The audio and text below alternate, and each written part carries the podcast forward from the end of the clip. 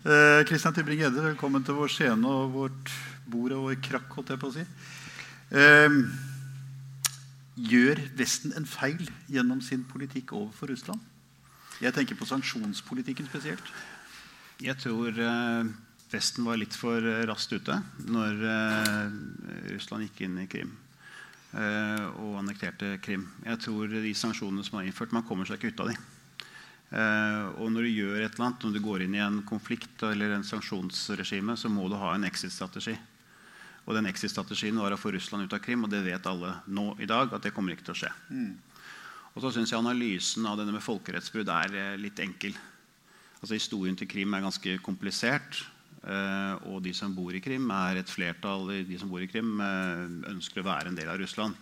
Så kan du si at Folkeavstemning som holdt der, skal du ta med en klype salt. Men eh, det er ikke noe tvil om at eh, flertallet snakker russisk, og flertallet ønsker å være en del av Russland. Så hvordan skal du tvinge eh, Det, det er en kunstig, et kunstig situasjon hvor du skal da tvinge Russland ut av Krim hvis det er et flertall på Krim som ønsker å være en del av Russland, og Russland ønsker å ha Krim.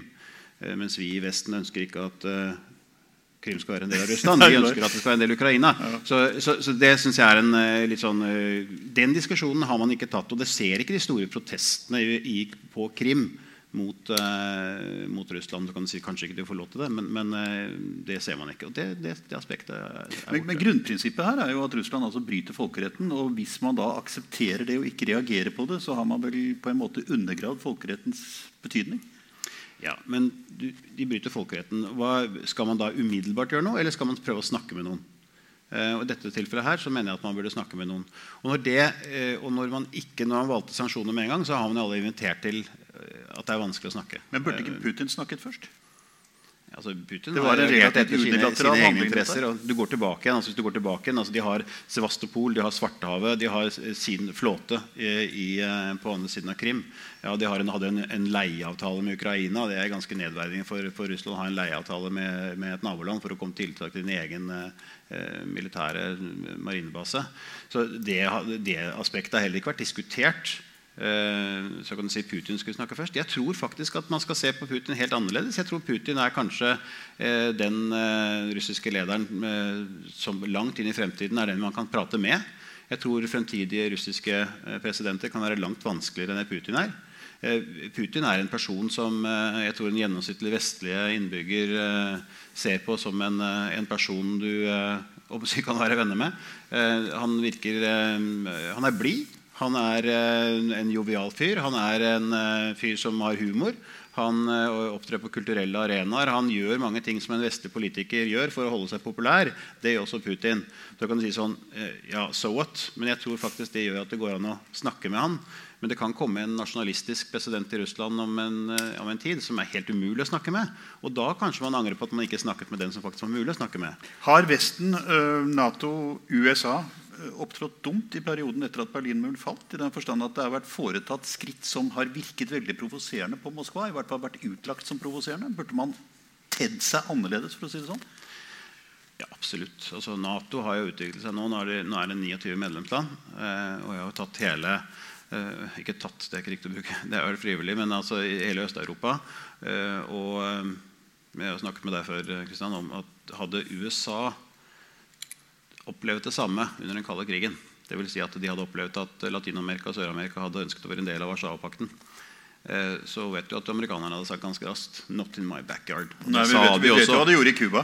Ja, Cuba eller Nicaragua. Eller, altså, du, du vet jo hva amerikanerne hadde sagt. Og nå sier da Russland eh, vel, vi aksepterer at hele vår grense er nå en del Ikke bare nøytral, men det er en del av det som den gang var fienden. Eh, og så sier vi at det er helt håpløst at Russland tenker på den måten. Men altså, jeg syns faktisk ikke det er så håpløst. Jeg syns vi skal ha litt mer forståelse av det verdensbildet som Russland har. Eh, og så vil jeg trekke frem det som er enda viktigere, for vi sitter i Norge og vi er et naboland. Så du kan si sånn, Vi har en enda større interesse av et godt forhold til Russland enn f.eks. Spania eller Italia eller et land som er i Sør-Europa. Og, og det, det, det aspektet er helt borte. Vi sier at vi står sammen og alle har samme interesser. Vel, Det kan være noen italienere og spanjoler som eh, sier som så at vi gir jo egentlig blanke blaffen. Vi har ingenting å tape på det. Men vi har mye å tape på å ha et dårlig forhold mot Russland i nord. Eh, og, og, og, og så sier jo da politikere i Norge fra begge sider i norsk politikk at nei da, vi sanksjoner har vi, men vi reiser dit og vi besøker og vi prater. og Senest nå er jo Børge Brende og, og snakker med Lavrov. Altså, er vi venner eller uvenner, eller er sanksjoner bare noe vi gjør på siden av et godt samarbeid? Per Sandberg har jo vært og solgt fisk bort til Moskva. Altså, hva, betyr det ingenting? Skal vi gjøre akkurat business som før, men vi har noen sanksjoner på si? Eller er vi helt prinsippløse her? Altså, Norge spilte en, en, ganske vesentlig rolle i normaliseringen av forholdet til det nye Russland etter at Sovjetunionen brakk sammen i, i 1991-1993 og videre fremover. Har mm. dette gått uh, down the drain? på en måte? Har vi mistet momentumet? Og Det var jo altså da for så vidt en unilateral norsk-russisk politikk som var sanksjonert og uh, mm. diskutert med Nato hele veien mm. oppover. Burde dette vært vår oppgave i dag? I ja, jeg tror jeg tror man ser det bredere, bredere, en bredere sammenheng. og du har helt rett i det. Vi har altså et USA som endres raskt. Nå har vi en president som er helt på siden, men glem han. Men USA demografisk endres raskt. Det er ikke det USA som vi trodde vi hadde, eller som vi hadde i gamle dager. Men vi behandler, Europa behandler USA som om det er det gamle USA den gangen under, etter, den kalde krigen. Samtidig så endrer seg Europa også demografisk. Og, og, og det skjer fort. Og de som da kommer til eh, vårt land, de har ikke, de, de ikke noe, har ikke noe særlig kjærlighetsforhold til USA. Uh, og de som kommer til USA, som er søramerikanere eller latinamerikanere, de har ikke noe spesielt kjærlighetsforhold til Europa. De har ikke noe forhold til Europa det hele tatt. Og tro da at du kan opprettholde generasjonen fra den kalde krigen til å videreføre altså Norsk politikk ligger fast. Det er jo det dummeste man hører når hele verden endres så drastisk som den gjør. Og så sier man at norsk utenrikspolitikk den ligger fast. Mm. Men, men, her må man jo tenke uh, helt annerledes. Skal man uh, representere ha norske interesser? Og hvordan uh, Norge på vegne av Nato skal opptre overfor Russland? Ja, jeg mener vi hadde en detente-mulighet, og vi drev jo også med det. Mm. og så tror jeg også amerikanerne nå ser at Russland kan så at Russland kan være en utfordring både på handelssiden, på økonomisiden, på ikke minst på energiressurser, på veldig mange områder som amerikanerne ser at det, nå får vi en, faktisk en ny konkurrent mm. som var en del av, det, av, den delen vi ikke handlet med. Det monopolet vi har hatt uh, på å selge mye varer til Europa, det fins ikke lenger. Og Russland kunne fått et godt forhold til mange. Har USA misbrukt uh, sanksjonsregimet og seilt under falsk flagg i noen grad når de utvider sanksjonene sine uh, i tråd med Krim-opplegget? De gjorde ikke med vikarierende motiver? altså skjønte du hva jeg mente med ja, ja, ja, men, de, de, gjorde ikke det, fordi det de sa var at de kom med utvidede sanksjoner altså utover det som EU hadde gjort. Mm. Fordi at de hevdet at da, og det kan godt være riktig, det vet ikke jeg, men at Putin hadde blandet seg inn i det amerikanske presidentvalget. Ja, Det vet vi jo ikke ennå. helt. Nei, men det, liksom, det, ble en konsensus der borte til slutt. da, og da kan du utvide sanksjonene. Så utvide sanksjonene på handelssiden, uh, særlig på, på, energisiden, men på, også på andre sider. Energisiden som gjorde at uh, de europeiske selskapene som samarbeidet med russiske selskaper, hvor det var altså fellesprosjekter hvor det er ofte det de er, sant, disse olje- og gassprosjektene eh, i Europa. Og de som hadde mer enn 30% russisk eierskap, de skulle da boikottes. Så hva skjedde da? Da har altså da USA anledning til å selge olje og gass til Europa, mm. altså flytende gass, på skip. Mm. Og det gjør det veldig vanskelig for Russland å bygge pipeline ned til Polen. som også var planlagt. Alt dette blir utsatt pga. at amerikanerne satte i gang nye eh, sanksjoner. utvidede sanksjoner. Og Derfor har EU vært imot de nye sanksjonene, for de har sett at de selv blir straffet. Så vi har ikke de samme interessene som USA på mange områder nå. Men hva gjør dette med Nato, da? Altså, altså, poenget med Nato er jo at det primært er en politisk allianse med en veldig sterk militær arm som skal sette en muskel under diplomatiet. Men utgangspunktet er jo at vi ligger innenfor Natos opprinnelige operasjonsområde. Uh, I dag er jo både ut fra det du sier nå om denne demografiske endringen som finner sted, de nye konfliktsituasjonene andre steder og så, videre, så er jo presset veldig stort andre steder, mens det da blir neglisjert i noen grad det vi drev med før. Mm. Og NATO, jeg, jeg, tror det er tre ulike punkt som Nato sliter med i dag. Tyrkia. Mm. Eh, for eksempel, som er liksom dette bindeleddet eh, mellom den muslimske verden og Europa. Et veldig veldig viktig bindeledd. Eh, og Jeg snakket med en en tidligere eh, sjef for US Marines som sa at det er bare et tidsspørsmål for Tyrkia er nødt til å gå ut av Nato pga. at de bryter de prinsippene vi har tenkt å forsvare. Mm. Eh, jeg skulle likt å se den dagen. Da, da, da, kan du si prinsipper. Ja vel, det er mulig det. Men altså det, det, det, som kan være et ragnarok hvis Tyrkia blir kastet ut, eh, både når det gjelder eh, hvilken retning de går, og når det gjelder migrasjonsstrømmen osv. Eh, det andre utfordringen vi har, er dette eh, out of area-operasjoner som NATO stadig ønsker, eller USA ønsker at Nato skal være en del av. eller coalition of the willing, hvis du vil. I 2001, angrepet på, så var jo alle eh, enige om at eh, Twin Towers det, dette var et angrep på Nato. Det ble en artikkel 5-operasjon, og, og, eh, og, alle Nato-land var med på det. Og så, og så, tok man jo Osama bin Laden i 2010. Da kunne man tatt en sånn, som jeg kaller en sånn John Wayne og sagt nå har vi tatt deg, nå går vi ut. Vi vant. Men det gjorde vi ikke, for nå skulle vi stabilisere og bygge demokrati. Og holde på, og det har vi jo bomma helt på. Taliban har aldri vært så sterke som nå. 50 000 amerikanske våpen er på avveie. som er gitt til sikkerhetsstyrkene. Og Man snakker om Marshall-hjelp i Afrika. Det er brukt mer penger i Afghanistan fra amerikansk side enn en, en eh, Marshall-hjelpen for å bygge opp Europa etter annen verdenskrig. Det er helt vanvittig. Og så sier vi at nå at skal, vi skal være der fremdeles. For vi trenger å være der for å stabilisere. Mm. I dag var det en selvmordsbomber tok 3, 43 afghanske soldater. I går var det en som tok 70, mm. 70 mm. afghanske soldater. Er det et sted vi skal være? Kan vi virkelig bringe fred Jeg tror ikke det. Det er gått 16 år, det er en ny generasjon kommer. De som, soldatene som ble sendt der, var nesten ikke født mm. den gangen. Og så har vi da andre områder, som i Irak og Syria. og Libya. Kan man ut fra det du sier nå, si at uh, altså, diskusjonen om out of area uh, ikke er et spørsmål om ja eller nei, enten-eller, men begge deler? på en måte? Altså, det er et spørsmål bare å tenke litt andre baner enn såpass store baner som vi gjorde i Afghanistan og andre steder? Ja, ja, altså, eller, eller for å stille spørsmålet litt annerledes, Er denne storsatsingen utenfor noe som har på en måte redusert oppmerksomheten på det som er avspenningspolitikk i nærområdene? Altså, jeg var jo en, en såkalt, såkalt hauk hvis jeg, når jeg vokste opp. Altså, jeg, jeg var den som sterkt forsvar er bra. ikke sant? Og vi står mm. sammen. Men først så må vi innse at vi er ganske mye svakere i dag. Eh, vestlige allierte i et stor verden, stort verdensbilde. Eh, vi har eh, kulturforskjeller som vi kanskje først i de senere årene har forstått er veldig alvorlig. Eh, og når vi går ned der og skal rydde opp, eh, så, så klarer vi ikke det. altså. Mm. Eh, du ser hva som har skjedd. Eh, ikke bare ikke klarer vi å rydde opp, men vi klarer å destabilisere land etter land i de områdene hvor vi sier vi skal rydde opp. Eh, og samtidig får vi en migrasjonsstrøm som vi ikke er i stand til å håndtere. Så hvordan i all verden skal vi så jeg har kommet til den, eh, til den, konklusjonen at vi burde i mindre grad engasjere oss ute. Mm. Og jeg snakker fritt uavhengig av regjering. bare så du vet det, så Jeg bare sier det jeg mener er riktig. Mm. Og det er det jeg sier internt i Fremskrittspartiet på et gruppemøte, for eksempel, så sier jeg det. Mm. Men i den grad jeg har noen innflytelse i det hele tatt, så og Hva sier de andre i Fremskrittspartiet? Jeg tror mange er enige med meg etter hvert. Um, for det, eh, Fremskrittspartiet har jo vært veldig pro-USA. ikke sant? Og det er liksom, uh, men det har bare vært én stortingsrepresentant i Fremskrittspartiet som har sagt ja til Donald Trump. liksom.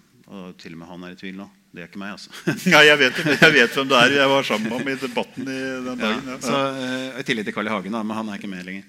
Uh, men, men det, sier jo litt, det sier jo litt. Og jeg tror uh, valget av Donald Trump har gjort en avstand til USA gått raskere.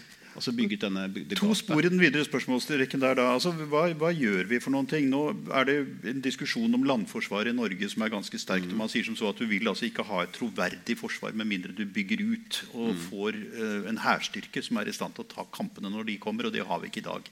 på en måte. Dette er jo da bygget på den sannsynlighet som vil inntreffe når Russland utsettes for en noe som oppfattes som en trussel fra USA, hvor mm. Russland er nødt til å beskytte sine interkontinentale ballistiske atomraketter.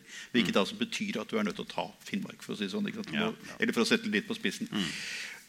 Det er i hvert fall ett aspekt av dette. her. Det andre aspektet er jo i hvor stor grad uh, det er nødvendig å søke tettere inn mot et europeisk samarbeid. For det er jo ut fra det du sier om USA, helt åpenbart mm. at, at uh, den complacency, altså den, den vanlige evnen og viljen vi har hatt i hele etterkrigstiden til å hvile på USAs uh, sterke armer, det, det, er ikke der mer. Jeg tror vi skal se på Russlands intensjoner, og ikke bare se på kapabiliteter. Uh, og I den kalde krigen så var, så var vi enige om at intensjonene Mm. var ikke vennligsinnet. Og, og, man sier hele tiden man er redd for at Russland skal ekspandere nær mot Finnmark, eller at det er en trussel mot Finnmark eller en trussel mot de baltiske landene. Jeg tror ikke personlig at Russland har noen særlig interesser av å, gå, å ta Finnmark. Ikke et selvforsvarssituasjon heller. Altså jeg tror de ønsker å ta ethvert område hvor de har russiske interesser. direkte russiske interesser, og Det kan være en del av baltiske landene. Hvor også det er noen, ganske mange russere som er ved grensene mot mm. Russland. Der vet jeg at de kan ha den type måte å tenke på. Jeg tror ikke rett og slett at denne, Vi har hatt et fredelig sameksistens. Eh, Russland er vel det eneste landet vi ikke har vært i krig med. Mm. Uh, av våre naboland. Så, så jeg, jeg ja, Mulig jeg er naiv, men jeg tror, tror, tror, ikke, jeg tror ikke vi skal bidra særlig mye til freden ved å bygge opp et stort forsvar i Finnmark eh, i den tanke om at vi skal være der i tilfelle de kommer til oss. Eh, jeg tror ikke det er, Og da bygger vi opp denne, denne, denne, denne, Vi bygger jo opp på begge sider, og det var jo akkurat det jeg ikke skulle gjøre. Nå skulle vi prøve å drive med avspenning og drive med andre ting. Vi skulle drive med handel som skulle skape fred, og de tingene som, som var etter at den kalde krigen var over. Og nå gjør vi akkurat det motsatte, og så er alle enige om at det er veldig klokt. Men du vil jo, du vil jo selv øke bevilgningene til Forsvaret? Du har jo bedt Siv Jensen om å flytte penger fra diverse andre poster og over til dette for å øke det. Vi har et forsvarsbudsjett på 1,6% gjennom den nye langtidsplanen. Mm. 1,6% og vi har et mål, Nato-mål om 2% Det er for å opprettholde våre forpliktelser overfor Nato. Det, er, det synes jeg vi skal ha. Men så er det hvor du plasserer disse styrkene. hen. Du kan plassere det. Vi har kjøpt kampfly, vi har kjøpt ubåter, vi skal ha kjøpt nye overvåkningsmaritime overvåkningsfly. Det er for å styrke vårt eget forsvar. Det, det syns ikke jeg at vi skal ha forsvar av vårt eget land. Mm. Prinsipielt så mener jeg det er riktig. Det er Uavhengig av hvem du ser på den som en fiende, men det burde vi ha et, vi burde ha et uh, troverdig forsvar. Vi bruker 1,6 av BNP gjennom uh, Eh, gjennom eh, langtidsplanen. Og jeg tror alle langtidsplaner ryker, så det vil si at det blir koster mye mer enn det. Så sannsynligvis har vi mye høyere BNP enn, eh, til forsvar enn 1,6 når mm. alt kommer til alt. Mm. Eh, og så vet jeg at mange andre land de har brukt mye av din bevilgning til forsvarsindustrien som en del av sine BNP. Mm. De kommer raskere opp til 2% fordi at de støtter opp sin egen forsvarsindustri. Mm. Og så kommer det amerikanske. Amerikanerne bruker jeg tror det er 4,5% av BNP på forsvar. Eh, de bruker altså dobbelt mye av BNP som de fleste europeiske land. litt mm. mer enn det. Men så driver amerikanerne med veldig mye. De driver jo ikke med bare å forsvare Europa eller Nato. Mm. De er jo hele verden. Og det er ikke sikkert det er i vår interesse. Mm. Så når USA bruker to, eh, kanskje 2% av sin satsing på Forsvaret på alt mulig fra eh, Sør-Kina-havet til Nord-Korea til hva som helst, og så skal vi på en måte ta belastningen for det. Men vi bruker alle våre penger på Nato. Og det Alle europeiske Nato-land de bruker alle sine penger på Nato. Mm. Mens USA er overalt. Så vi kan ikke sammenligne. Det er epler og pærer hvordan man sammenligner disse to prosentene. Mm. Så amerikanerne er oppe og sier 2% 2% ja vel, Regn på mye dere bruker på Nato. Jeg tror ikke det er mye mer enn 2% Det er kanskje mm. under. Mm. Men, men, med en veldig, altså, igjen da, hvis vi snakker om en veldig sterk økning i innsatsen for Forsvaret, og du sier for dette å kunne innfri forpliktelsen som ligger innbakt i artikkel 5 sikkerhetsoperasjonen, at du skal kunne være i stand til å forsvare. Det er jo ikke gitt at artikkel 5 betyr at alle kommer løpende til hvis noen angriper Norge. Du må kjempe en del selv. altså Du må i hvert fall vise vilje til å gjøre det. Er det ikke da en fare for at du, du vil provosere igjen? At du vil få dette syndromet som du har hatt med de gamle østeuropeiske landene? At Russland føler seg på en måte presset ved at man mistenkeliggjør dem osv. Altså, tilbake til den situasjonen vi snakket om i sted. Jo. jo. det er helt riktig. hvis Russland er helt avhengig av Europa økonomisk, mm. så vil de også være en mindre militær. Det har, jo, det har man jo lært. Altså, det har man jo lært overalt i verden. Altså, man integrerer eh, verden gjennom handel. Det har vært ideen bak handel. Gjøre oss gjensidig avhengig av hverandre. Og nå altså, ekskluderer vi Russland fra det, fra det markedet som vi mener er årsaken til at det blir et bedre forhold mellom øst og vest. Og det er klart at Når det skjer, så vil jo Russland føle seg De har ikke så mye å tape. Mm. De har ikke så mye å tape. De føler at eh, alle er mot dem uansett. Og, eh, og da blir de kanskje mer nasjonalistiske. helt naturlig, det ville alle blitt. Mm. Eh, og mer innadvendte. Og, og, kan oppfattes som mer provoserende på, på, på, naboene sine. Dette er jo en selv, selvforsterkende effekt. Og Der ser du situasjonen i, i Øst-Ukraina. Det var et klassisk eksempel på det. Mm. Hvor, eh, hvor, Russland sier at vi skal besvare våre interesser. Dette Øst-Ukraina er det mange russere som eh, er, er, etniske russere. De skal være en del av Russland. Vi vil, eh, vi vil at de skal være en del av Russland. Så Ukraina selvfølgelig sier at dette er dette er brudd på vår landegrense. og Det er det som vi definerer som våre interesseområder. Dette Poenget du nevner med at eh, handelen er fredskapende, et fredsskapende element for det bygger liksom connections mm. over landegrensene, forbindelser osv., det er jo den visjonen EU ble skapt på i sin tid også. Ja. Eh, vil det ikke da være naturlig at dette fanges opp som en del av hele det sikkerhetspolitiske elementet i en mer EU-dominert sikkerhetspolitikk innenfor Nato-gruppen? Det, det, det, tror jeg er helt riktig. Og du ser nå, nå når Tyrkia inngår et stort militært samarbeid med Russland mm vi kjøpte jo jeg husker ikke hva det var, men det var et enormt beløp. Mm, det var ja, det var jo, det var et, og tenk deg amerikanerne der. Nå har Tyrkia hatt et, uh, hatt amerikanerne, de had, amerikanerne hatt et enemarked mot Tyrkia. Mm. Og så I en protest så gjør altså de et så stort kjøp av Russland. Det er jo det er nesten ikke til å leve med du, for, for, Nato. For det betyr jo at russerne må komme med vedlikeholdet. Og det blir jo mm. et tett samarbeid i 20-30-40 år mm. mellom Russland og Tyrkia. Mm. Langt sterkere enn det blir med amerikanerne og Tyrkia. Mm. Så det er et, som, eh, en konsekvens av det. Men hadde man kunnet hatt et, et forhold hvor, hvor handel var viktig, så, hadde det, så, hadde det, vært uh, mulig å bygge opp en mer tillit til hverandre.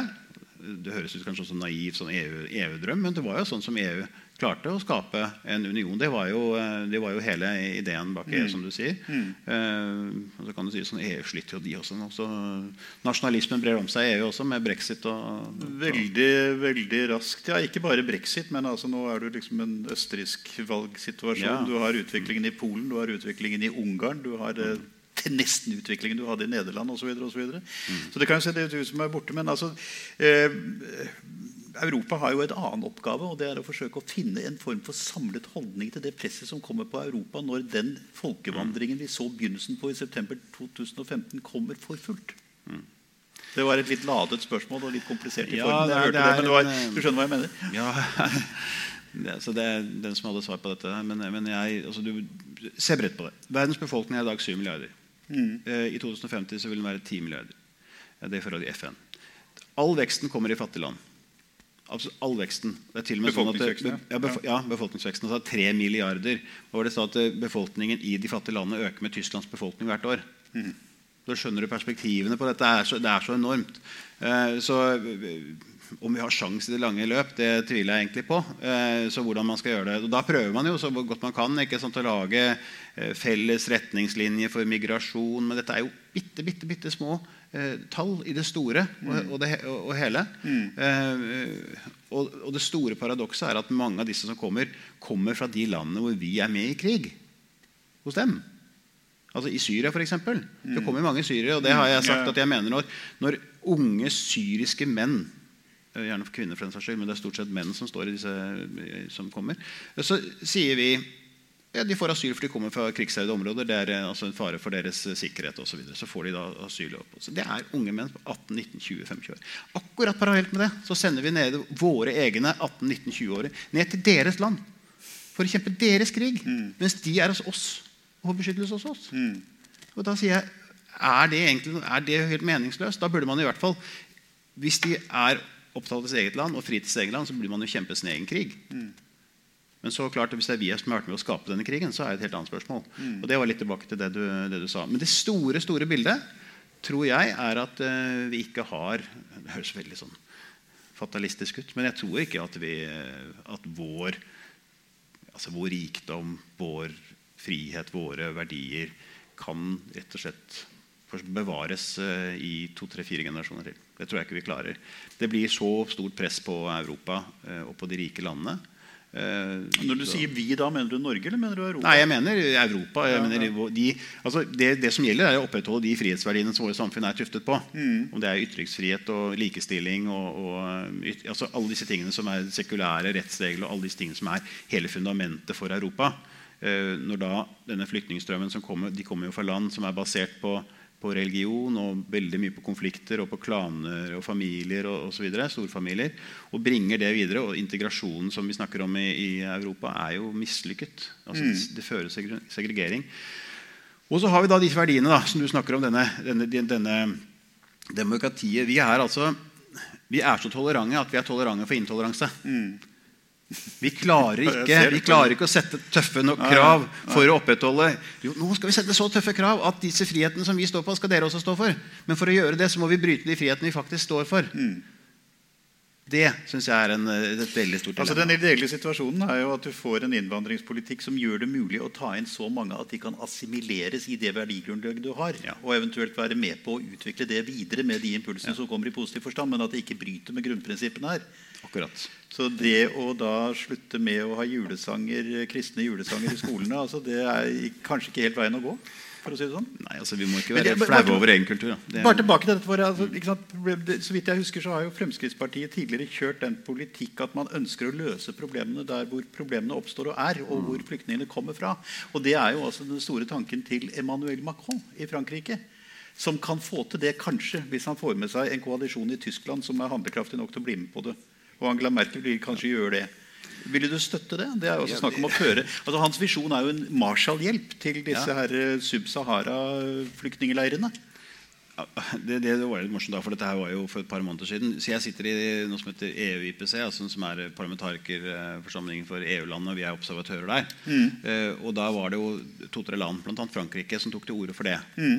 Uh, og Det var jo veldig klokt å ha asylsenter eller asylmottak da, i, i, i nærområdene. Og så når jeg kom hjem, så, så sa jeg det. Mm.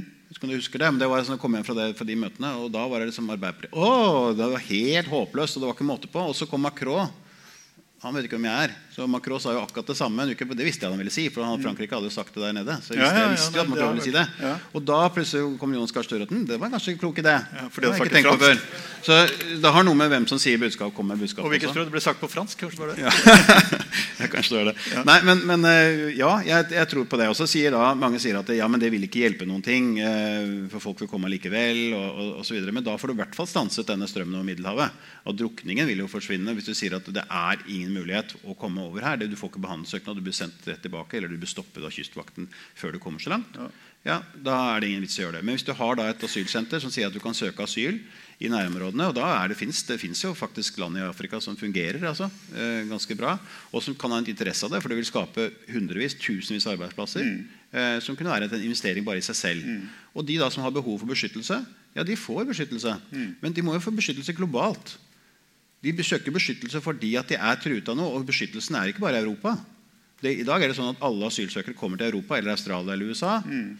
Men hvorfor kan de ikke komme til, til Indonesia eller til eh, Saudi-Arabia eller til uh, hele Latin-Amerika eller Sør-Amerika? Det er jo trygt der òg. Men dette er også en diskusjon man ikke tar. Man ser på seg selv.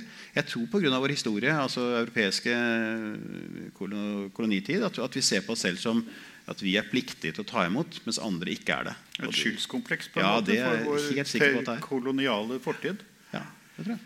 Men da betyr det at det ligger altså et sånt følelsesaspekt i bunnen av en politisk prinsipp som det viser seg ikke mulig å gjennomføre. For EU klarer jo ikke dette. Det ser du jo helt klart. Altså Den solidariteten som ligger innbakt i visjonene fra bl.a. Maastricht-traktaten, de har jo ikke slått ut til mm. det. Men, men i dag, det var jo i dag det gikk de inngikk en avtale om felles grensevakt. Mm. Det var jo senest i dag dette gjorde det. Så um, når, du kan si sånn, når innbyggerne tvinger eller stemmer på partier som er så tydelige Når sosialdemokrater og konservative i hvert fall til nå har det vært sosialdemokrater det har gått utover mest, da, mm. sikkert fordi at de har hatt makten i Europa mest. Mm. Uh, når de da forsvinner og blir kanskje det tredje, fjerde største partiet, mm. da uh, får de utfordring, og da tror jeg også det, også det skjer noe. Eh, skulle gjerne skjedd, skjedd før, men, men, det blir jo konsekvensen av det. Og, og jeg, eh, jeg, her er ikke poenget på å ta, på, ta Jonas Gahr Støre, men første tingen han sa i Stortinget etter valget, var at han sa at Høyre hadde samarbeid med de som er til høyre for Høyre. Men det er jo hans velgere. Det var jo hans velgere. Han står og mobber sine egne velgere. Hvordan skal han få tilbake da? Du kan, si, du kan, ikke stå på Stortinget og si at disse velgerne dere har til høyre for Høyre, som er 15 av Norges befolkning, som sannsynligvis mange av de har sosialdemokratisk innstilling, i utgangspunktet, mm. men de mobber han ut. Mm. Det er ikke rart de faller da. Men dette, altså det du trekker opp nå, det er, jo, det er jo da det som jo kanskje er et av Europas andre problemer, nemlig at det er en form for politisk infight i demokratiet. altså Demokratiet i den form det etter hvert har fått, særlig det parlamentariske demokrati, gjør jo at det er så mange sterke meninger, så mange posisjoneringsaspekter osv. inni det, at du finner ikke den riktige evnen til å gjøre det. Altså Maastricht-avtalen bare for å ta det nå, den bygget jo på prinsippet om at overnasjonaliteten skulle vedtas av parlamentene. De enkelte parlamentene. Og det har jo aldri skjedd. Det er ingen som har turt å ta det opp. Nei. Og det er vel også årsaken til at EU ikke fungerer som det skal. Men så har vel også EU, EU prinsippet eller parlamentet tatt til seg en del roller som de egentlig ikke hadde. da. Altså, det går ikke bare på økonomi. Altså, det var jo det som var det gamle. Eh, at man skulle som du sa, drive handel over landegrensene. og Det var for så vidt et godt prinsipp, men så, nå har man gått inn på områder som griper veldig mye mer inn. Altså, man har på en måte, Det ene har tatt det andre. Mm. Vi sitter jo i europavalgsmøter i Stortinget hver 14. dag, og kommer Frank Bakke-Jensen. vet ikke om han kommer lenger nå. kanskje det skjer noe annet Men, Det kommer han, og så forteller han liksom, snakker han i to timer om hva vi har sluttet oss til. Mm. Ja, vi har jo ingen innflytelse på det. og Det er liksom hvor store skruene skal være. og, og Stikkontakten i veggen. Er ikke det EØS-avtalen? ja, ikke sant? Jo, det er jo EØS-avtalen. Dilemma, ja. ja. Og så ja. sier du at ja, men er ikke det bra? liksom? Jo, det, det er bra, det er bra. ikke sant? Men det har jo mange konsekvenser for produksjon. Mm Ta f.eks. Senterpartiets protester sant, mot landbrukspolitikken. Det Bygde-Norge. Det får jo store konsekvenser for, for, mye mer enn man klarer å forstå i utgangspunktet. Eh, og så blander de seg inn i migrasjonspolitikken, som har store protester. Se på Ungarn, Polen, mm. eh, Østerrike. De finner seg ikke i det. at De sier at de skal være med på en kvotefordeling som innbyggerne ikke vil. Altså, at dere skal ta imot 2000, dere skal ta imot 1000. Mm. Hvorfor skal vi det? Vi har aldri vært gjennom det. Det er ikke derfor vi sluttet oss til EU. Vi sluttet oss til EU både av sikkerhetsgrunner og av handelsmessige årsaker. Mm. Vi hadde ønsket å ha et marked. Vi ønsket å levere til et marked. Det var årsaken til at vi sluttet oss til EU. Og jeg tror EU kan gå i oppløsning. Du ser på brexit Hvis vi insisterer på å overta stadig nye områder eh, av europeisk og nasjonal politikk, så kommer nasjonalismen tilbake. Mm. Det er ikke noe tvil om, og det, det ser du tendenser til. Brexit er jo et godt eksempel. Uh, men de klarer jo ikke å komme ut av det her til slutt. det ser relativt uryddig ut, ja. Det skjer jo rare ting i politikken i Storbritannia på mange måter. Men tilbake til dette med situasjonen med altså, flyktninger som stort sett kommer fra Midtøsten, fra trøblete områder, som har vært kolonier i stor grad, mm. og som har en fattigdomsutvikling og en ujevnhet, altså ulikhet i samfunnsutviklingen, mm. som skaper sterke konflikter, som ender blant annet i, eller gir i hvert fall jihadismen et poeng her. Uh, altså, hvis ikke dette stabiliseres, hvor stor er faren for at denne jihadismen da skal virkelig bli en sikkerhetstrussel? Alvorlig sikkerhetstrussel. Og Hvis du ser på en del år tilbake, så er det ikke så veldig lenge siden dette begynte. Nei. På slutten av 80-tallet sa Nato at det er en potensiell trussel i mm. den uh, islamske verden hvor disse bevegelsene er. Men det var ikke noen trussel på det tidspunktet. Men gud bedre, det er kommet. Ja, Du ser på terroren ja, det det så, lenge de, så lenge de eh, holder på i sine land, så kan du si at du kan ta det med et stort gjesp. Men mm. altså, det er jo eh, Det har vært eh, oppdaget terror nesten terroraksjoner i Norge også, veldig alvorlige. Mm. nå snakker jeg ikke om 22. juli, nå snakker jeg om muslimsk terror ja. som er blitt avdekket. som egentlig ikke folk vet hvor nære har vært. Men, eh, men, det er jo i, Norge. Men de har sett terrorangrep som eh, skjer til daglig. Sverige er utsatt for terror eh, både ofte. Og, og, Storbritannia har vi sett, og Frankrike. og sånn. Så det er jo ikke bare der nede. Men jeg tror det er en, tror det er en stor stor utfordring. Og jeg vet ikke hvordan man skal stoppe det. for det indoktrineringen til fundamentalistisk islam er så sterk. Eh, at man klarer ikke å bryte gjennom. Altså, den sekulære muslim er jo sjanseløs i eh, kampen mot imamer og sterke familietradisjoner. Og ikke minst denne med mannsdominansen. Mm. Hvordan kvinner, eh, alt fra å bli kjønnslemlestet til å bli dekket til, mm. til å være et annenrangs borger. De, de, de har sånn jublet for at de kan få kjøre bil i Saudi-Arabia. Mm. Det, altså, det, er jo helt absurd hvordan de behandler kvinner. Når IS, såkalte islamske stat, er nedkjempet i Raqqa og har mistet sitt mm. hovedfotfeste, ser du en risiko for at de kommer til å flytte kampen for sine synspunkter inn i Europa i større grad? Altså Vil dette her eh, trickle down på våre områder? Ja, altså, altså IS har jo ikke Det eneste uniformen de har, er jo langt skjegg. Ja. Så, så, så, Du kan liksom ikke finne ut at altså, dette er en IS-sympatisør. De går ikke rundt som i annen verdenskrig med, med nazidrakter altså det, eller mm. uniformer. Det, de, de, det, er vanskelig å vite hvem det er. Og så er det jo glidende overganger mellom hva som er IS som ønsker et kalifat, eller de mm. som er fundamentalister eller uh, andre nasjonalister. Det, det er jo uh, de, de, Ta peshmerga-styrkene i Irak, ta det mot den irakiske myndigheter, ta mot de ytterliggående syriske opprørere. Altså dette her og kurderne ikke minst. Mm. Hvordan du skal få dette til å fungere. Mm. Da hjelper det jo ikke mye å slå ISIL, som man er i ferd med å gjøre nå. Det er klart at man skal juble over det, Men det blir et tomrom her nå som flere skal kjempe om. Mm. Syria skal ha tilbake sine områder. Eh, Irak skal ha tilbake sine områder. Kurderne da skal ha en egen stat. Mm. Ja, kommer, og der, De løser jo ikke dette ved forhandlinger. De har jo aldri noen erfaringer med det. De har aldri noen historisk erfaring med det, så de kommer til å løse dette ved krig. Mm. Og så sitter da eh, Norge og andre allierte der enda. Og vi vet ikke hvem vi skal skyte på lenger. For Vi støttet persmergaen, men persmergaen er kanskje nå den vi skal som irakiske myndigheter kommer til å skyte på. Mm. Og nå er vi jo en del av irakiske under Irak. Så jo lenger vi er der, jo vanskeligere, jo vanskeligere blir det. Spørsmålet var om dette, denne brer seg om seg. og jeg, eh, jeg, har ikke noe svar på det. Altså jeg, jeg, skrev jo i, i, i, boken min at jeg, jeg Som jeg tror rett og slett ikke dette går. Og det blir veldig fatalistisk. Altså, skriver, mens, mens orkesteret fortsetter å spille. Mm. Eh, vi klarer ikke pga. vårt demokrati. På, mm. i parlamentene, Vi sitter i ulike partier og klarer ikke å fatte de nødvendige beslutningene for å gjøre det som må til. Eh, for de sitter på hver vår lille tue i demokratiets navn, som virker veldig fint. Eh, og det er veldig fint, men det er ikke tilstrekkelig til å stoppe den type form for utbedelse av terror. og, og og men i hvilken grad burde dette påvirke tankegangen i Nato? Altså Hvis vi nå dimensjonerer dette opp som, i, altså i vår, vår, teoretiske tenkning som en, en, en, mer akutt trussel mot det europeiske teater, som det heter på, av en eller annen pervers grunn Vi tør ikke, vi tør ikke i, Nato. Hva, hva, fordi at, litt pga. Tyrkia. Det er én ting. Men, men, man tør ikke å ta den kampen, for da blir det en kamp, da blir det Class of Civilizations. Da Da blir det jo akkurat det som Samuel Huntington uh, spådde skulle skje. Og det, og det, er jo det man ikke ønsker. Derfor blir man opptatt av andre ting. Man blir opptatt av Nord-Korea. Det er jo en uh, flott sak for amerikanerne å ha dette her, selv om Donald Trump er jo spør Men, men, men altså det, er, det, er jo, det, er, jo, en ideell sånn, sånn fiende, sånn retorisk fiende. Mm. Nord-Korea.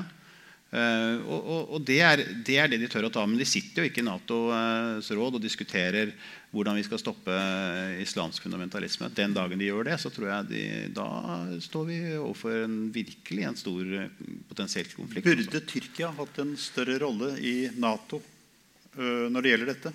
Nei. Med sitt ene bein i den islamske verden og sitt andre bein i det sekulære europeiske? Nei, det syns jeg ikke. Jeg syns uh, ja, Erdogan uh, skremmer meg.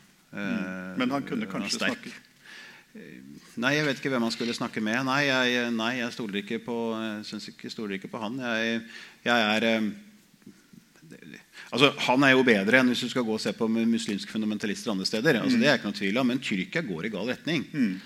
Ganske mye fortere og fortere, fortere, Ikke sant? Og Befolkningsveksten i Tyrkia er enorm også. Og, og det er liksom, mange er, bor det 100 millioner eller noe sånt nå, i Tyrkia. Det er et eller annet der. Mm. Uh, jeg, nei, jeg tror ikke Tyrkia Jeg tror Tyrkia er på vei ut av, uh, ut av Nato. Den dagen det skjer, så er det jo krise. altså, altså Det sterkeste, sterkeste bollverket på sørflanken, den klassiske sørflanken vil jo da være borte. Og det er jo en enorm uh, hærstyrke, altså militær kraft, i, i Tyrkia. Ja. Men det kan være at de sånn på kort sikt kommer til å alliere seg mot, uh, mot Russland, med Russland. Men det er jo fordi at vi ekskluderer Russland fra vårt, eh, vårt, vårt, samarbeid. Vi burde jo hatt et nært samarbeid med Russland. Vi har jo felles fiender over mange steder på jordkloden. Mm. Uh, Istedenfor så gjør vi Russland også til en fiende. Litt sånn som behagelig for Nato. Vi snakket om uh, å gjøre de behagelige fiendene Nord-Korea, mm. uh, Russland. Istedenfor å ta de virkelig store utfordringene som finnes i verden, mm. så gjør Nato det som er mest behagelig, behagelig for, uh, for, nasjonene. Så, og det gjør jo Nato irrelevant òg, på sikt. Det gjør jo Nato irrelevant på sikt. Og jeg, eh, vi burde gjort alt vi kan, i hvert fall Norge i utgangspunktet, for å bli, eh, prøve å snakke med Russland. Få en forståelse, en dialog med Russland. Prøve å normalisere forholdet mot Russland. Drive handel med Russland. Eh, og på den måten få et godt forhold til Russland. Vi har mange muligheter på fisk, på energi, arktisk Vi har så mange ting vi har felles med, med, med Russland, mm. som burde være et åpenbart godt land å samarbeide med.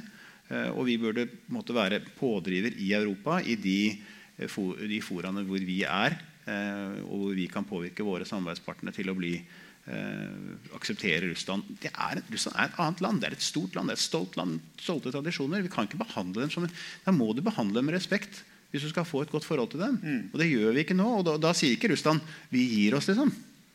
De er altfor sterke og stolte til det. så De kommer til å bygge opp sin egen nasjonalisme. og det er det som skjer nå. Vi er nødt til å ha et godt forhold til Russland. Uh, og Det var jo det som Trump hadde som utgangspunkt. Han hadde jo noen gode tanker Trump når han ble president. Men han har ikke fått til noen ting av det. Han har gjort alt det motsatte. Og, og blitt styrt i det ene og andre underlige retningen.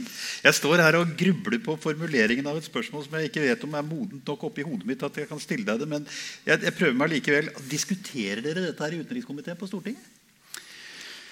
Utenrikskomiteen, man, Mange tror at det er et diskusjonsforum, men det er jo ikke det. Altså, utenrikskomiteen, Et møte i utenrikskomiteen er over på 30 minutter. Det er, altså, man, har en del, man får en agenda, man får en del saker som er fremmet, representantforslag, eh, interpellasjoner som skal reises, eh, og regjeringsproposisjoner som fremmes til, til Stortinget. Altså, Virker da parlamentet som det skal? Ja, det syns jeg. fordi at i, det er ikke noe vits å sitte og diskutere med hverandre. Om jeg sitter og snakker med Kolberg, liksom, det blir ikke noe klokere av det. Altså, det er jo ingen som... Eh, Skal jeg si at Kolberg sa, da? Eller, eh, altså, nei, nei, men, altså, men jeg mener det kan jo føre politi altså, Parlament skal diskutere per definisjon, skal det ikke det? Men jo, skal, ja. det gjør vi jo når vi kommer i salen. ikke sant? For Da kommer jo disse uenighetene frem. Men der fordeler vi. ikke sant? En saksordfører skal jo da uh, skrive de første merknadene til en sak. ikke sant? Så kommer alle partiene inn og kommer med avvikende merknader, hva de kan slutte seg til av de første merknadene, og finne egne særmerknader. Sånn er det. Og Så kommer debatten i Stortinget, og da skal jo dette frem. Mm. Men så har vi noe som heter en utvidet utenrikskomité, som uh, vi hadde møte i dag. Jeg nevnte for deg før ja, ja, kom ut nå.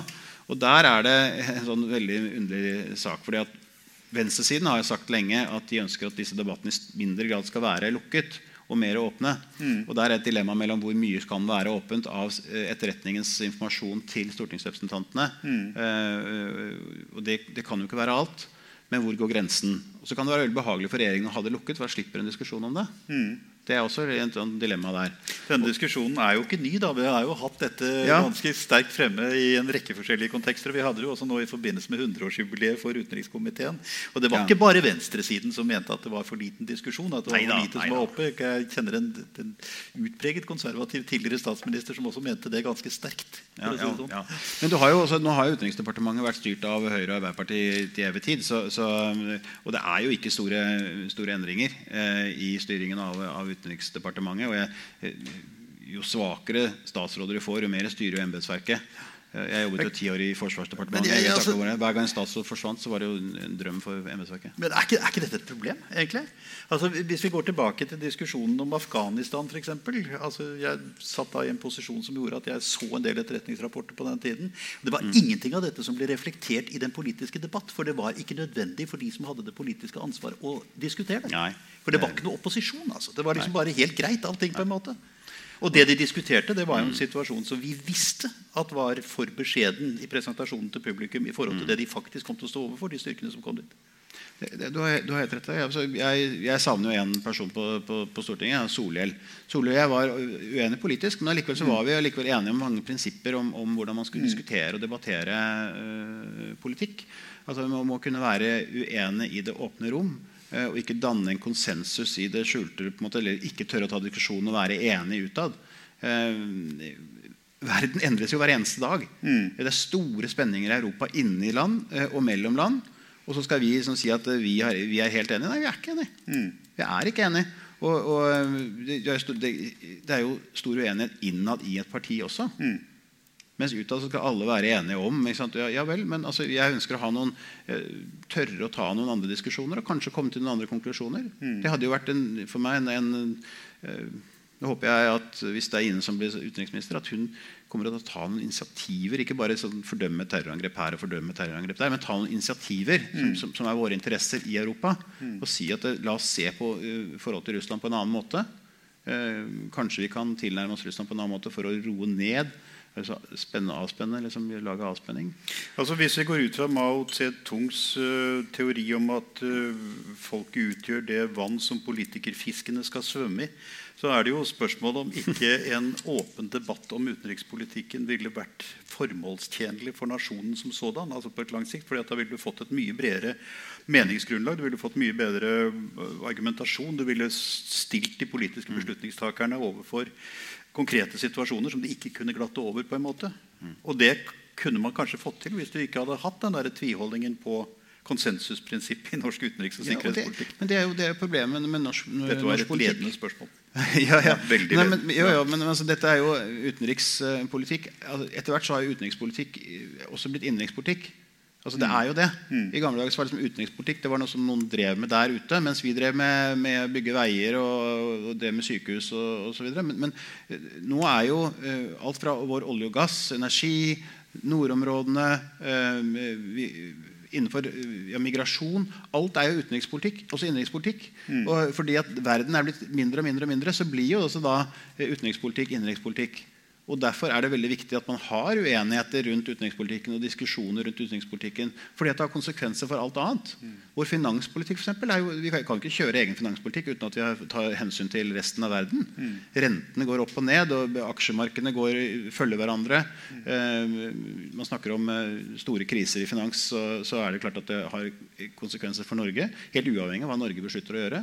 Derfor har vi jo tett, det, er på, det er også utenrikspolitikk. Så vi kan ikke sitte og, sånn som I gamle dager så hadde vi jo mye mer isolert nasjonalpolitikk, og så hadde vi utenrikspolitikk. Så, så dette er samlet. Ja. Men det, er bare, altså, nå knytter vi, det virker kanskje springende, men det knytter seg tilbake til et par andre ting vi snakket om her. Altså, hvis vi snakker om da, nødvendigheten av å ruste opp det norske forsvaret for å stå mm. beredt til å kunne gjøre det et nasjonalt forsvar må kunne gjøre for å kvalifisere seg for artikkel 5-operasjoner, mm. så vil jo det si at det konsentreres da om den sikkerhetspolitiske situasjonen du har i nærområdet. på en måte. Mm. Det vil da altså sant, si at Den politiske beslutningen som ligger bak den type styrking, knytter seg opp mot den trusselsituasjonen du ser i nærområdene. Men så har du jo da den situasjonen vi snakket om nettopp med, med utviklingen i den andre delen av verden hvor trusselen egentlig kommer. og så mye ja. større. Mm. Og Det blir jo et dilemma, for det ene er jo da nasjonalt. Og det er mm. gode argumenter for å styrke også den internasjonale kapasiteten. Er ikke det et problem? Jo, Det er derfor vi burde være venner med, med Russland. For Russland er, sånn sett, eh, har de samme utfordringene når det gjelder muslimsk fundamentalisme. Mm. Eh, Tsjetsjenia, altså de har jo akkurat de samme utfordringene som, eh, som Europa og USA og vestlig verden har. Mm. Eh, og, da, og, Hvorfor da spille Russland ut på sidelinjen i en tid som er så viktig å være på lag med Russland? Mm. Fordi at vi skal opprettholde noen prinsipper, og ingen vil tape ansikt for det er folkeretten osv. Ja vel. Ja vel så var det sånn da, men La oss se dette i historisk kontekst. La oss prøve å løse Øst-Ukraina-konflikten først. Mm. Eh, og så, så, glatter vi over dette, og så fjerner vi sanksjonene gradvis. Og så får vi prøve å normalisere forholdet til Russland. Men det er USA som kommer til å protestere på dette. Mm. For USA har ikke tatt dette helt inn over seg. USA er såpass stort at de ser på seg selv som fremdeles som, et, eh, som verdens ledende uh, makt. Og det er de så vidt det er. Mm. Men om ti år så kommer ikke USA til å styre verden på den måten de gjør nå. Mm. India kommer til å ta det. Kina er jo enormt sterke. Mm. Uh, og i Asia generelt. Det kommer til å være sterke makter som kommer til å utfordre USA. Og det hjelper ikke for USA å isolere seg her. Altså. USA må enten være med, uh, og da nytter det ikke å prøve å, å ekskludere noen ut av dette markedet som de prøver på. Og, jeg, og da, da, må du se marked og sikkerhetspolitikk sammen. Vi trenger et marked, og vi trenger et integrert marked. Det er en sikkerhetspolitikk som vi må føre. Vi kan ikke ekskludere store markeder ut, for det kommer til å bare skape nasjonalisme og enda mer nasjonalisme og enda mer sinte mennesker. Mm. Det løser ingenting. Hva mener Fremskrittspartiet om eventuelt norsk medlemskap i, nei, i EU? Nei, vi har vært imot det hele veien. Ja. Uh, og jeg tror norske folk også er, eh, ønsker ikke, ikke det. Jeg, vi ønsker å måtte være Akkurat det du sa nå, ja. med dette med samarbeid og markedene og hele den greia der, det er jo altså EUs grunnprinsipp.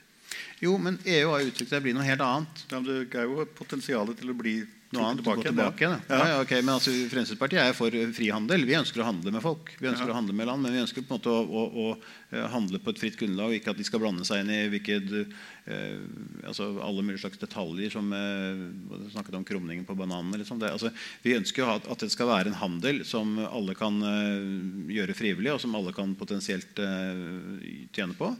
Men så er vi skeptiske til mange ting. F.eks. hvis du tar EØS-avtalen, som også det er en del skeptisk til i Fremskrittspartiet, som også mange andre uh, er skeptisk til. Det, det, som jeg er mest skeptisk til når det gjelder EØS, det gjelder ikke eh, samarbeid med andre land, men det gjelder utveksling av arbeidskraften. Mm. Som gjør f.eks. at når polakker, litauere og eh, andre kommer til, til, Norge for å jobbe, så, eh, så visker de ut vår kompetanse på disse feltene. Mm. Altså, I dag så finnes det jo ikke en veiarbeider en bygningsarbeider som, ikke, som er fra Norge lenger. Altså denne, denne, yrkesskolen, fagkompetansen som vi hadde før, mm. den fins ikke lenger. Og den kan si ja, men det kan vi bare få fra Litauen og Polen. Sånn. Men en dag så skal jo deres land utvikles slik at de ikke kommer hit. Mm. Hva gjør vi da? Da har vi blitt et slags Saudi-Arabia. Mm. Hvor vi bare har liksom kremjobbene, mens alle disse manuelle jobbene gjøres av utlendinger. Og til slutt så fins jo ikke de utlendinger lenger. og det er ikke Arbeidskraften fins ikke lenger. Det, det, bekymrer meg. For jeg syns vi skal ha et samfunn som både kan, både kan, bygge en vei og som kan uh, Altså Utviklingen har gått i en annen retning enn det som lå til ja, grunn for vedtakelsen av de fire frihetene? for å si det sånn. Ja, det, dette med fri bevegelse. Ja, jeg syns det. Jeg, jeg, det, er, det, er, jeg skeptisk til. Men nå, nå, skal ikke jeg sitte her og si at jeg er imot EØS-avtalen. For det sånn, kan ikke være imot alt som Fremskrittspartiet er for. er det gjerne sånn? Det? Nei, men altså, Jeg er jo kontroversiell i sånn at jeg, for jeg sier ting jeg, eh, jeg sier de tingene jeg mener. Eh, ja. så kan du si sånn at eh, Jeg gikk jo inn i Fremskrittspartiet for jeg trodde på, på, på Fremskrittspartiet. Og som, det var jo også Carl I. Hages måte å være ærlig på ja. og tydelig på, som appellerte til meg når jeg var yngre. Og, og jeg syns jo det er en, en fin egenskap at man kan være tydelig. For det er nok av politikere som snakker det er, det er, jo de politikerne som kommer lengst, de som snakker så du ikke skjønner hva de sier. Er, er Fremskrittspartiet det samme etter fire år i regjering som det var før fire år i regjering? Altså før, utenfor regjering? Nei. Nei, det er det ikke. vet du. Er det utvannet? Ja, det blir jo det. fordi at du, du blir litt tatt av, av den innflytelsen man har. Og så tror jeg det er rett og slett såpass kynisk spill, og det tror jeg gjelder eh, alle partier, at du får jo mange taburetter. Det finnes statssekretærer, politiske rådgivere, vararepresentanter, nye rådgivere på Stortinget. Klart Det er et apparat på 100-120 mennesker kanskje, som har all interesse for å sitte i regjering. Du skal være rimelig prinsipiell hvis du skal si at vi går ut av regjering. Du skal finne en sak som er ekstremt viktig. da. Ja. Og jeg skal lete lenge etter denne saken. Eh? Man tøyer liksom, man begrunner det i den ene eller andre retning. og Det gjelder bare ikke, ikke bare Fremskrittspartiet, men vi har hatt klare meninger. Derfor er det litt lettere å finne det hos oss. Men det er klart at når Støre nå gikk til valg, eller Arbeiderpartiet gikk til valg, og så kom de ikke inn i regjering, så var det ganske mange skuffede statssekretærer, potensielle statssekretærer og politiske rådgivere rundt omkring. Jeg tror nok det. Eh, De hadde nok regnet med å sitte der, og eh, kanskje sitte i salen her til og med. Eh, Så, så, så det er jo en del av politikken, og det er, kanskje, det er jo negativt. da, At, at det er så få som jeg står opp for prinsippene. Jeg vil heller være sånn som jeg er nå, enn å sitte og måtte implementere politikk eller nikke til politikk jeg er uenig. Eller spise kameler på tvers? Ja, det er det, er det er jo, en, det er jo altså en, en tendens i, i Polen, nå i Østerrike med det nye valget der, det har vært slik i Ungarn også, som sier at når de mer ytterliggående, klare populistiske partiene kommer i regjeringsposisjon, så blir de eh, ansvarliggjort. Men ansvarliggjort kan altså dette, der kan du switche det ordet med utvannet. Nei, Kanskje? jeg tror det, er- det er en litt, eh, går litt begge veier her. eh, hvor, hvor de konservative, men også sosialdemokratene Det er der sosialdemokratene feil. At de, de er jo de som egentlig burde ha samarbeidet med, med høyresiden. Altså de nye som er skeptiske til innvandring. Istedenfor har de gått mot, mot eh, venstresiden altså i Europa. Og de har jo marginalisert seg selv. Og så er det liksom de konservative, som egentlig er ekstremt konservative, det er derfor det heter det, er de som har, har innbilt seg at, at eh, de som har vært skeptiske til innvandring, er til høyre for dem selv. Men det er de jo ikke. På de aller fleste spørsmål. Det er noe som, det er, det er noe som mediene har skapt. ikke sant? Er, sånn er det. Jo, altså, det er jo veldig interessant det du sier. fordi at, altså, Vi har jo lært å leve med en høyre-venstre-akse. Altså, du har et Ja. sånn farveløst sentrum, og så blir det da mørkeblått og blåere og blåere til høyre og rødere og nærmest brun til venstre. på en måte. Men er hele denne politiske problemstillingen, den oppdelingen i en høyre-venstre-side, i det ene og det andre, er den egentlig helt obsolet? Ja, hvis du ser på Altså, det er vel som- egentlig det? Ja, ser på gjennomsnittlig Fremskrittsparti-velgeren og den gjennomsnittlige Høyre-velgeren. Mm. Så er det ganske stor avstand. Men ser du på den gjennomsnittlige Arbeiderparti-velgeren og den gjennomsnittlige Fremskrittsparti-velgeren, Mm. det er mindre avstand der.